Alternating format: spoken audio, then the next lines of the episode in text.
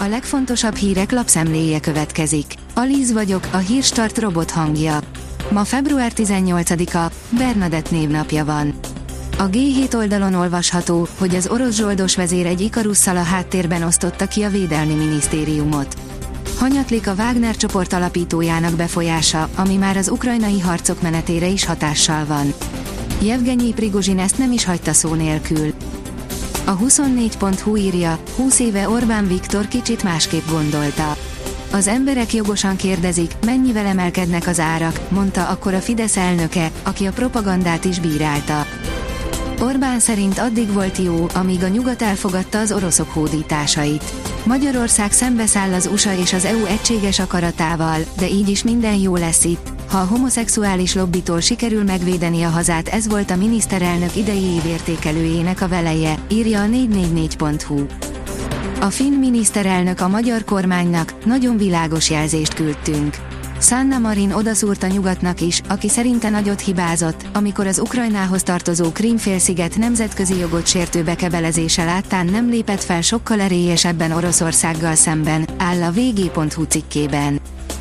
Teljes a leállás ennél a banknál, se fizetni, se utalni nem lehet, írja a pénzcentrum.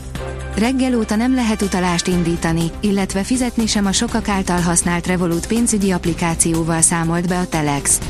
A probléma globális, azonban arról nincs hír, hogy meddig fognak akadozni a szolgáltatások.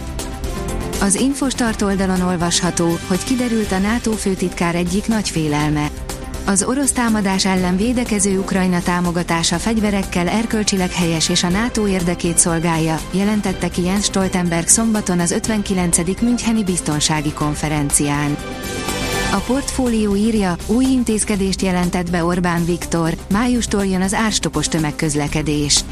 Májustól kedvezményes vármegyei és országos tömegközlekedési bérletet vezetünk be, jelentette be évértékelő beszédében Orbán Viktor miniszterelnök. A termékek ára is kiderült, azonban vannak még nyitott kérdések. A privát bankár teszi fel a kérdést, romba dönti a földrengés Erdogán rendszerét is. Erdogán kormánya több millió, az építési szabályok megszegésével épült ház fennmaradására adott úgynevezett építési amnestiát, amelyért 2018-ban jelentős politikai előnyre számíthatott. A földrengés miatt ez most visszafelé sült el. Belebukik-e a török elnök? Egy idegesítően lassú nyomtatóval és egy sima papírvágóval kezdték, már a több mint ezer diáknak segítettek a tanulókártyáik, írja a Forbes. Varga Bence tanítóként még több diáknak szeretett volna segíteni, ezért párjával, Zsámboki Laurával tanulókártyák megalkotásába fogott Bence osztálya márka név alatt. A tervezést, a gyártást és az értékesítést is ától zéig a fiatal pár csinálja. Három fejtörő, amit szégyelni fogsz, hogy nem találtál ki. A fejtörők örömet okoznak, ha magadtól kitalálod őket, de bosszúságot, ha a fejedet fogva olvasod, mennyire egyszerű lett volna a megoldás. Mutatunk három trükkös fejtörőt, amelyek után szégyelni fogod, ha nem jöttél rá a megoldásra, írja a Noise. A Hír TV oldalon olvasható, hogy az olaszok többsége már nem támogatja a fegyverek küldését Ukrajnának. Közben az Európai Néppárt lemondta a nápolyi találkozóit azok után, hogy Silvio Berlusconi kijelentette, miniszterelnökként nem találkozott volna Volodymyr Zelenszkijel Brüsszelben. A magyar nemzet írja, az olasz csapat nagyon elégedett lehetett a magyar légiósával. Az Andalusz körverseny harmadik szakaszán Fetter Erik a 9. helyen tekert be a célba.